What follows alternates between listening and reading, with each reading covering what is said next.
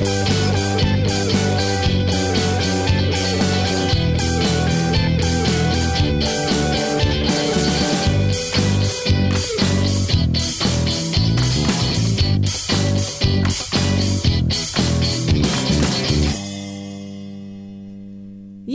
hörni, välkomna till ännu ett eh, avsnitt av Flödet på distans. Japp, tjena tjena, här är Klara ifrån Stockholm. Och här är Lotta i Lund. Ja, ja, det är lite tråkigt att köra på distans men det är bättre än inget. Vi, vi lär ju oss också allt mer om det här ju längre tiden går.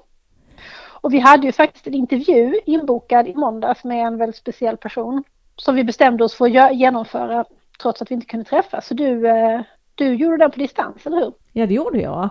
Och jag lyckades koppla alla sladdarna rätt. Ja, men det har Ehm, du gjort nu några gånger, du har blivit duktig på det. Men det, är ändå, det känns ändå som att det är första gången varje gång jag gör det. Eh, Det är konstigt. Ja. Men det blev, det blev ett samtal. Ett, ett väldigt trevligt samtal. Och det råkar ju bli så att detta avsnittet av flödet blir kanonaktuellt. För att den här hemliga gästen har ju idag avslöjat vem hennes efterträdare kommer att bli.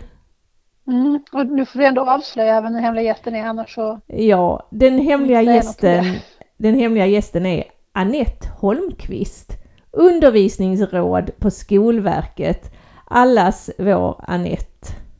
Ja, hon är ju ändå skolbibliotekens liksom grand old lady får man säga. Ja, hon, är, hon är drottningen och nu har hon eh, berättat vem som är hennes kronprinsessa.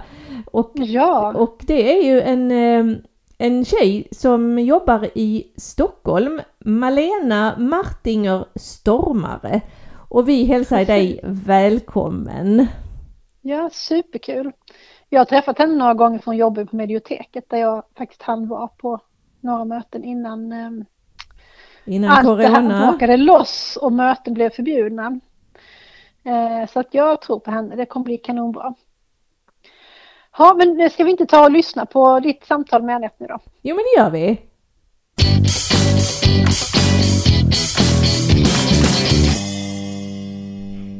Nu ska jag ringa upp Annette Holmqvist på Skolverket. Får vi se om hon svarar.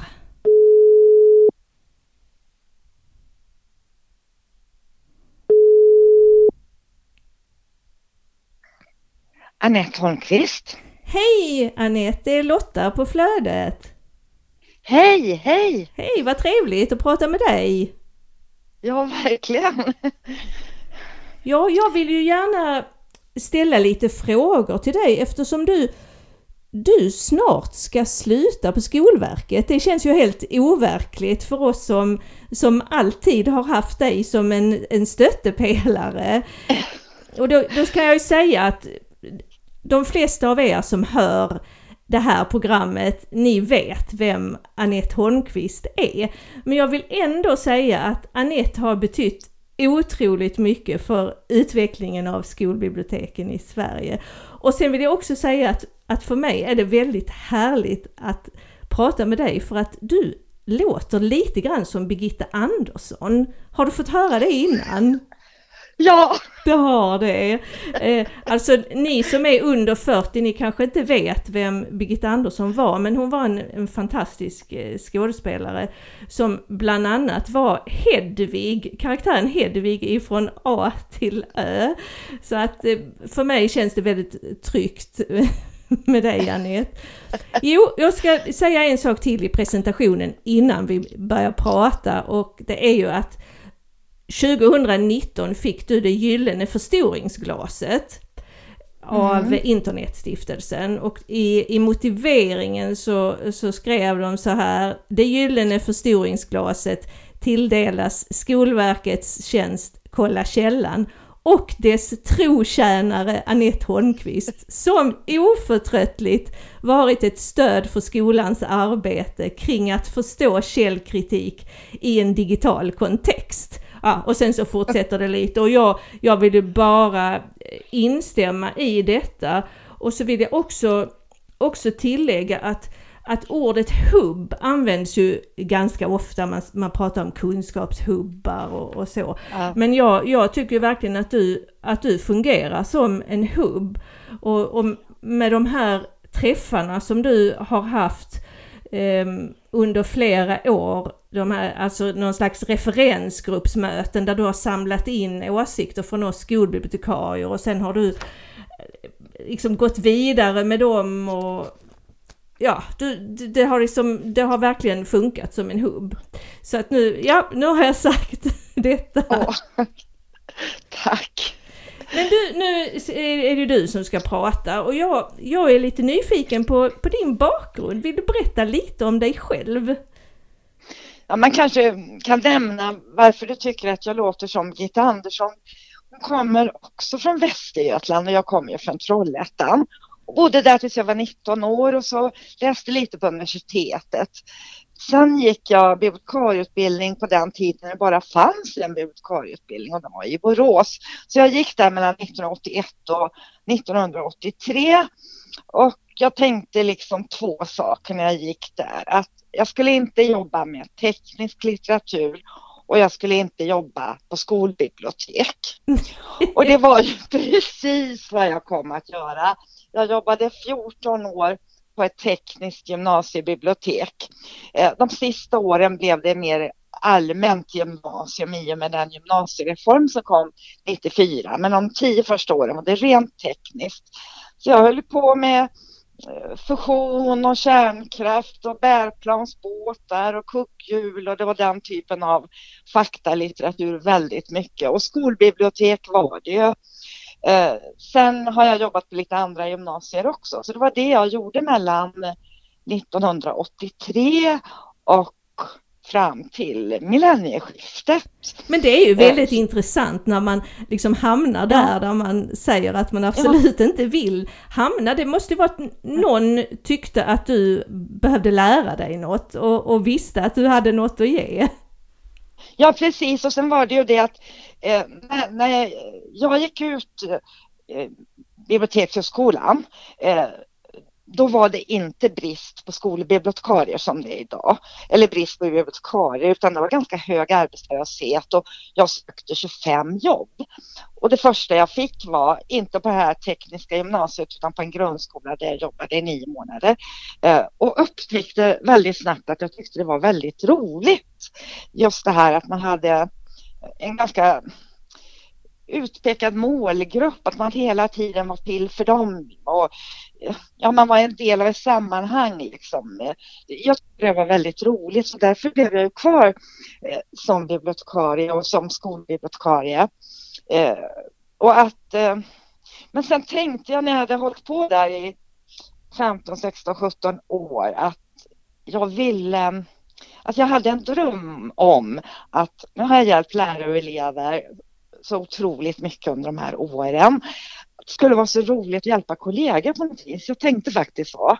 Så jag hittade på sådana där grejer som eh, idébibliotek och försökte få in så man kunde skicka ut tips till bibliotekarier på något jag vet inte ens om det skedde via dator eller om, om jag skickade ut det med internpost och jag höll på med mycket sånt där liksom att eh, Ja, jag, vet, jag tyckte liksom att skolbibliotekarierna var så duktiga och det skulle vara kul att lyfta dem och hjälpa dem på något vis.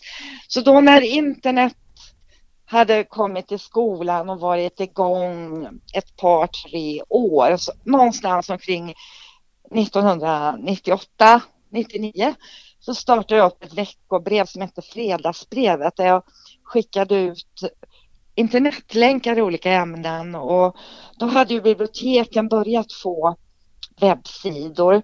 Så jag, det här satt jag och gjorde på fritiden då på torsdagskvällar och letade upp webbadresser till bibliotek och skolbibliotek för att få några prenumeranter på det där brevet. Jag kom upp i 100 prenumeranter. Alltså detta gjorde du helt på din fritid alltså? Ja, det gjorde jag på, det gjorde jag på torsdag kväll. Du hade, du ja. hade liksom någon timme över där och då kände du att det här ja, brinner jag för. Ja, men det är underbart. och, jag, och det berodde också på att jag hade bokmärkat, det gör man inte så mycket nu, men då bokmärkade man länkar och, och så hade jag gjort en samling ungefär som SAB-systemet och sen låg de där och använde ibland till elever och så. Det hade jag gjort på arbetstid. Tänkte jag, jag måste få spridning på det här så då öppnade jag det här fredagsbrevet med 100 prenumeranter. Och i och med det här lilla fredagsbrevet eh, så fick ju den här tjänsten som Skolverket hade som heter Länkskafferiet fick reda på att jag fanns. Eh, så då fick jag börja jobba där fyra timmar i veckan som länkredaktör och då blev man det hade ju sitt högsäte nere i Skåne då i Lund, på Lunds universitet. Eh, och då hade jag några ämnen där och så var det väl sju andra redaktörer och en huvudredaktör och så la man in eh, länkar varje vecka. Och eh, i och med det då eh, så skulle Skolverkets skoldatanät, en webbplats som fanns för att digitalisera skolan kan man säga. De skulle ha en monter på en stor utbildningsmässa i Stockholm och då blev jag inbjuden dit att stå bara vid en dator och berätta om länkskafferiet. Och, eh, och då var jag där en hel dag och, och presenterade länkskafferiet för folk. Och sen då vid det tillfället, det här var hösten 1999, då blev jag tillfrågad på den här mässan eh, om jag kunde komma in och jobba ett halvår med, med, med, på Skolverket och, och jobba vidare med då en tjänst som bara lite smått hade startats upp utan att det fanns någon webbplats eller någonting som hette Kolla källan.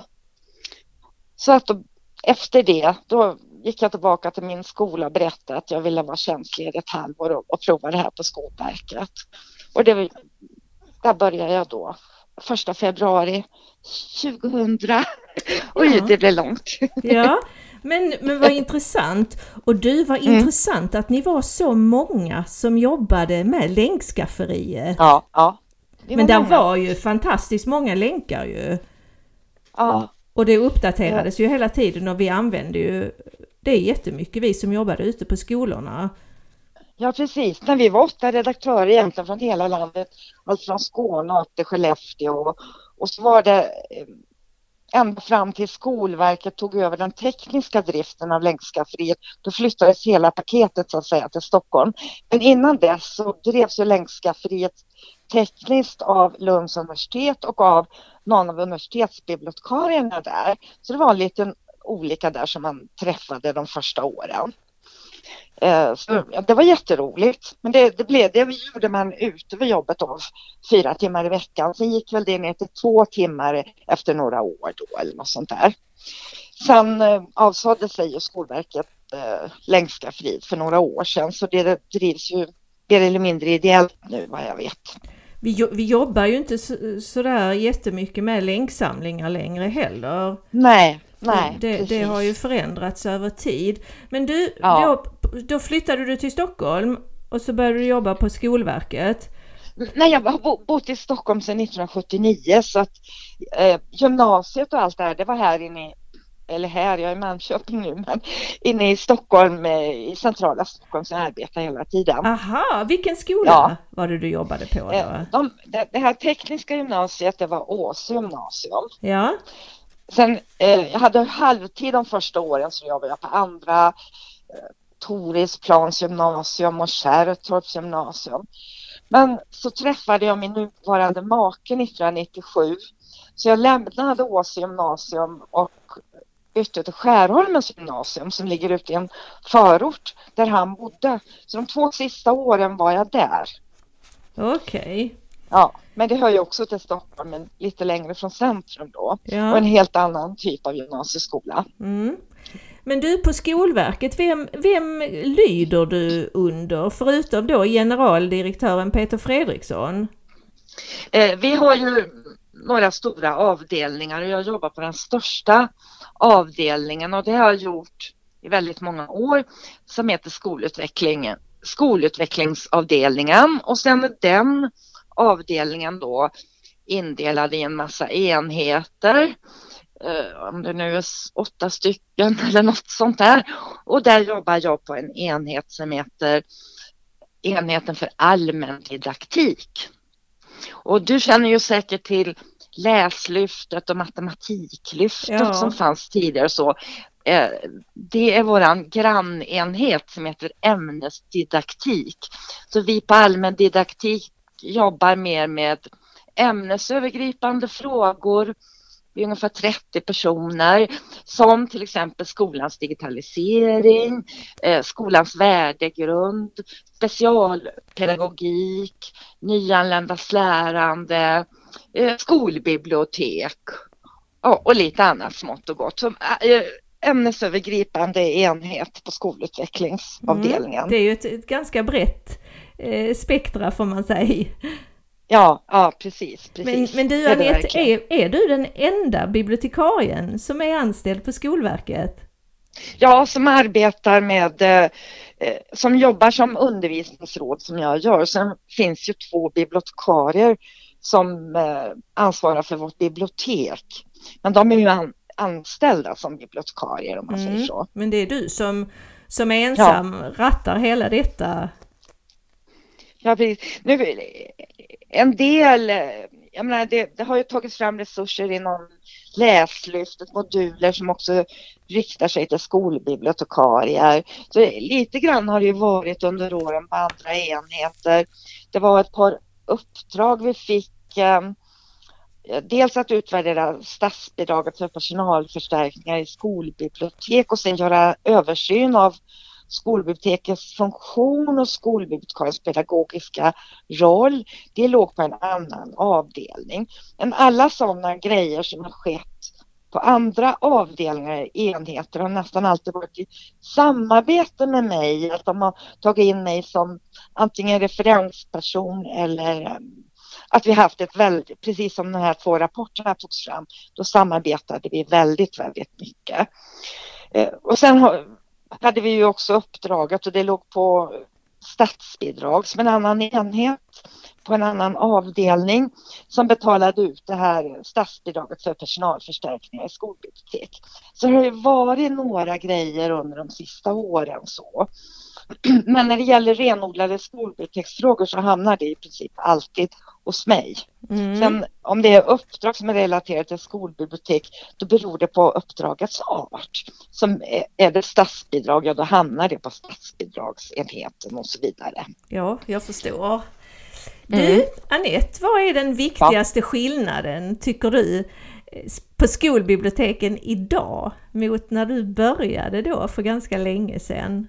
När du själv var skolbibliotekarie? Ja allra största skillnaden är att eh, skolbibliotekarierna undervisar mycket mer, är mycket mer integrerade i undervisningen. Nu gäller ju inte detta alla, för alla har inte de möjligheterna och alla är inte utbildade och vi har många lärarbibliotekarier som kanske ska hålla biblioteket uppe tre timmar i veckan. Men om jag pratar om bemannade, väl bemannade skolbibliotek så jobbar de på ett mycket mer eh, mycket mer involverat i undervisningen än vad jag gjorde som bibliotekarie. Eh, det var mycket mer referensarbete på den tiden. Man hade mer biblioteks, mer traditionella bibliotekslektioner eller man kom till klassrummet och berättade om vilka resurser det fanns på nätet eh, i ett visst ämne. Som sagt, jag var på en teknisk skola så då var det ju kanske vad finns det för material på nätet om materialteknik till exempel. Mm. Det kan ju vara den, den typen av, men mycket mer, inte alls lika pedagogiskt Eh, med samplanering av lektioner och sådana saker. Det har ju ökat mycket, mycket eh, sen jag kom till Skolverket. Det har ju ingenting med mig att göra, men att det är en utveckling som har skett på skolbiblioteken. Och eh, också tycker jag nog, för att generalisera lite grovt, att skolbibliotekarier idag är mycket mer kommunikativa kanske än vad vi var. Nu finns ju många fler kanaler också. Inte bara skolbibblistan utan eh, Facebookgrupper och Twitterkonton och LinkedIn och det finns ju fler möjligheter också. Ja, vi, vi samarbetar ju väldigt mycket Ja. Den kollegiala biten den, eh, den är ju fantastisk när man jobbar ute i skolorna.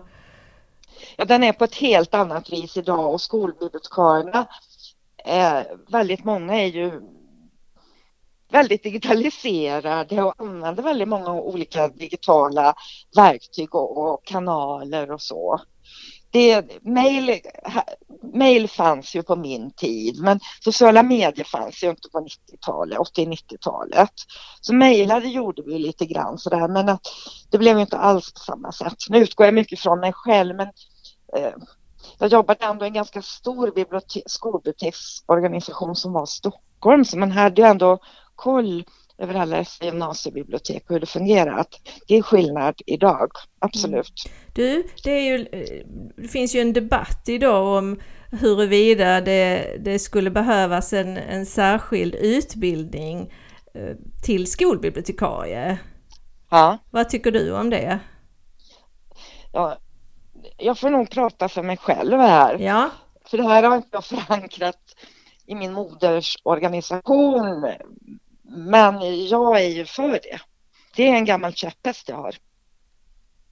Eh, och vad jag menar med det, för jag förstår, jag vet ni har tidigare om åren antytt det och sådär. Och jag vet att bibliotekarier vill ha en bred arbetsmarknad och det har jag full förståelse för. Eh, så jag menar inte så att det skulle vara någon form av återvändsgränd utan att man har kanske en gemensam bas men att man sen kan eh, utveckla utveckla sig vidare till utbildningsbibliotekarie.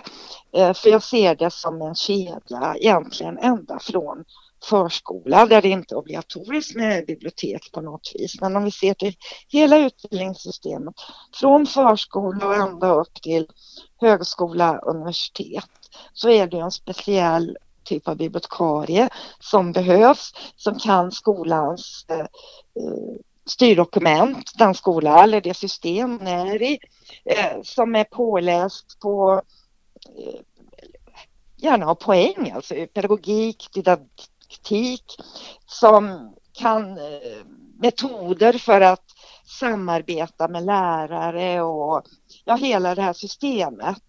Och, och det är ju inte riktigt samma sak som jag kanske jo jobba i en organisation där man inte har lika höga pedagogiska krav på sig. Så att eh, jag tror absolut att det vore bra eh, och att eh, utbildningsbibliotekarie eller skolbibliotekarie, vad man kallar det, mm. att det är ett eget yrke. Men med en ungefär, alltså man kan ha en gemensam grund så skulle man få, så kanske man, om man vill byta biblioteksbransch så kanske man får utbilda sig lite till då för att vara på folkbibliotek eller på ett myndighetsbibliotek som Skolverket. Men eh, jag, jag, tror absolut att det skulle höja statusen. Mm, att man skulle ha kanske en termin då med specialisering? Ja, eller ett helt år kanske. Ja. Mer samarbete med lärarutbildningen. Det handlar inte om eh, att lärarna ska ta bibliotekariernas arbete eller vice versa. Men att kanske till och med eh, en termin ihop med lärarna där skolbibliotekarierna eller bibliotekarierna då som får den här inriktningen eh, får någon slags grundutbildning som behövs för skola och, och, lärarna får det de behöver för att kunna samarbeta med bibliotekarierna. Nå, ja, någonting sådär nu, någonting, ja jag skulle absolut vilja se en inriktning, mm. absolut. Mm. Ja, det tål att tänka på. Vi, vi stöter ju och blöter det här med, ja. med samarbete, hur vi ska få till ja.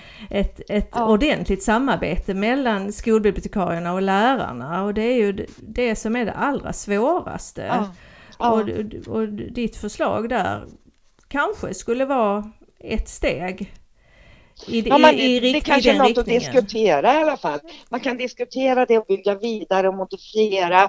Men verkligen ja, fundera på hur skulle det kunna se ut. Det skulle bibliotekarier, om ni, ja, ni, ni kan ju inte ses nu när det är corona, men kanske samlas några i Skåne där det finns ganska många och lämna ett förslag skriva ihop något och skriva till utredningen som pågår nu till exempel. Ja, Hur ni tänker kring detta. Alltså den här- jättegärna få input. den här utredningen är ju min nästa fråga faktiskt. Ja, ja, Eh, utredningen som Fridolin eh, leder, de, Ja. de har ju varit runt och eh, tagit in synpunkter från oss skolbibliotekarier. Och de har haft digitala hearings. Men, men om du får önska något av Fridolin, vad, vad önskar du då Anette? eh, jag får önska ganska mycket eftersom jag är expert i utredningen. Ja men det är ju så- lysande. Ja, så det är ett möte här nu. Det är 5 maj är nästa expertmöte och det har också varit runda bordsamtal och så. Så jag har mycket kontakt med den utredningen varje vecka. Och eh, ja, jag önskar väl saker hela tiden. Jag har lite grann tangerat det jag sa nu. Och um, för min efterträdares skull och för branschens skull så behövs vi, vi behöver ha mer underlag, vi behöver ha mer kunskap, vi behöver ha mer fakta. Eh, mer kvalitativ statistik till exempel för att få reda på hur arbetar skolbibliotekarier? Eh, för vi, det är jättebra med den statistik som KB gör naturligtvis, där man får de här kvantitativa måtten och över bemanning och bokanslag och sådana saker. Men jag skulle vilja också kunna ha det här kvalitativa och se eh, hur involverade är skolbibliotekarierna i lärares undervisning? Vilka ämnen dominerar? Vilka eh, ämnen är svårast att få kontakt med? Eh, jag kan ju rent anekdotiskt svaren på vissa av de där frågorna, men jag skulle vilja ha det svart på vitt. Vilket stöd behöver skolbibliotekarierna för att kunna utveckla sig? Det finns massor med sådana frågor. Hur eh, eh, är skolbiblioteket eh, en del av skolans systematiska kvalitetsarbete? Gör bibliotekarien regelbundna avstämningar med rektor? Skriver man en plan, skolbiblioteksplan? Eh, eh, utvärderas den efteråt? Hur sanktionerade verksamheten? Alltså det finns mängder av sådana kvalitativa frågor som jag skulle vilja ha svar på. Och, och, och för alla aktörer, nu är vi inte så jättemånga på nationell nivå, men som på något vis vill eh, eller försöker arbeta med skolbibliotekens utveckling så skulle man behöva ha mer kött på benen. Jag håller verkligen med dig där. Varje år när vi sitter och, och fyller i frågorna där till, till KB så känns det tokigt för det är, det är annat, annat jag skulle vilja tala om. Ja, ja precis. Och egentligen behöver det ena inte utesluta det andra men det här skulle också behövas. Det skulle behövas. Och så skulle det behövas mer forskning. Ja, precis. Absolut, precis. ja fast nu i och för Absolut. sig så har vi ju Sch- Schultz Nybacka. Eh, Där är ju hur mycket Ja. som helst att ösa ur i, Ja. i, i hennes utredning och vi har läs, läsutredningen så att vi, vi har ju höga, höga förväntningar på, på Fridolins utredning. Det den utredningen är ju, handlar ju både om skolbibliotek och läromedel och det man har sagt från utredningens sida är att eh, det är lite lättare att arbeta med skolbiblioteksfrågan för där finns då har det trots allt kommit en del på senare år eh, i och med biblioteksstrategiarbetet, de rapporter som kom där och det finns eh, den statistik, även om man kan önska mer av den så finns den statistiken. Eh, det finns en hel del men på läromedelssidan finns det precis ingenting. Så här finns ju mer att sätta tänderna i på skolbibliotek. Ja. Ja, du då har jag faktiskt bara, jag har två frågor kvar men en Ja. ordentlig fråga. Och det är ju då, vad är du mest stolt över? Vad du har åstadkommit under dina år som undervisningsråd? Oj. Mm. Ja, att det ändå blev något... Jag är jättestolt över konferensen naturligtvis och referensgrupperna med skolbibliotek och att, att, att jag fick skolbibliotek att acceptera att vi kunde jobba med den här frågan utan att ha ett uppdrag om det. Det, det är jag stolt över. Och naturligtvis eh, kolla källan under de åren det byggdes upp och sådär. Nu jobbar jag inte lika mycket med medie och informationskunnighet idag mer än eh, ja, i lärportalen och modulerna och sådär. Men eh, ja, uppbyggnaden och spridandet av Kolla källan är jag förstås stolt över och eh, de senaste årens arbete med skolbibliotek. För det var egentligen inte förrän 2010 som jag mer som skolbibliotek blev projekt på Skolverket. Det blev en, ja, en egen aktivitet som inte bara var en utlöpare av Kolla källan. Och det är jag stolt över. Att det gick att få igenom trots, att, trots total avsaknad av uppdrag som det var i princip ja, mellan 2010 och fram tills vi fick uppdraget om att betala ut statsbidrag 2016. Så det var sex år där, där det inte fanns tillstymmelse till ett uppdrag. Men jag fick ändå jobba med frågan och det, det är jag stolt över och naturligtvis också tacksam organisationen. Ja, och det är vi väldigt tacksamma över också. Vi, vi tycker att du har gjort ett, ett kanonjobb. Du, och så sista Tack. frågan nu. Vad ska du göra ja. nu när du slutar på Skolverket? Um, leva pensionärsliv, eh, odla min trädgård och promenera och kanske motionera lite mer.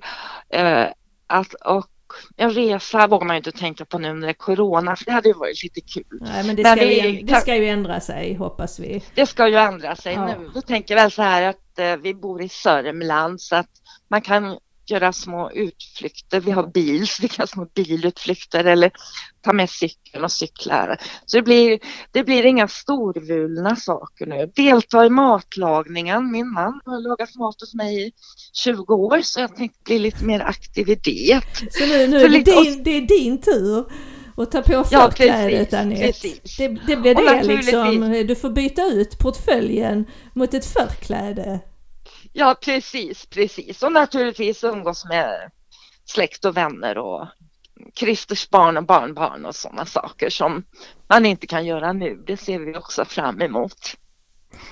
Du Annette, tack så mycket för att jag fick ringa upp och prata med dig. Och det kommer en eh, Flödet-mugg med posten vad det lider. Åh, trevligt! Det, det ska du ju få åh. såklart. Tack kära Annette! Tack. Och allt och, gott och lycka till med trädgård och matlagning. Tack så jättemycket. Tack och lycka till själv. Tack. Men vad säger du Klara? Visst blev vi imponerade när vi lyssnar på vad Annette har gjort? Ja, framförallt vad hon har också, ja vad hon har gjort men också vad hon har sett under sin skolbibliotekskarriär. Liksom, för att hon har ju verkligen jobbat under en tid när skolbiblioteken har utvecklats. Som hon ju också berättade. Från eh, något mer undanskymt till något mycket mer synligt och aktuellt på skolorna men också i samhället kanske, i samhällsdebatten. Ja och hon har ju också varit med i eh, hela internets eh, födelse. Ja, vilken skillnad liksom att jobba utan internet och sen med. Jag tyckte det var så himla fint med de här eh, fredagsbreven som hon mejlade ut, som hon satt och gjorde på torsdagskvällarna. Helt, ja. helt ideellt, bara för att hon ville dela ja. med sig till sina kollegor. Ja.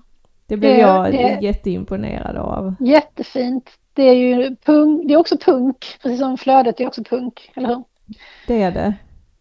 Punkfortbildning. ja. Mm.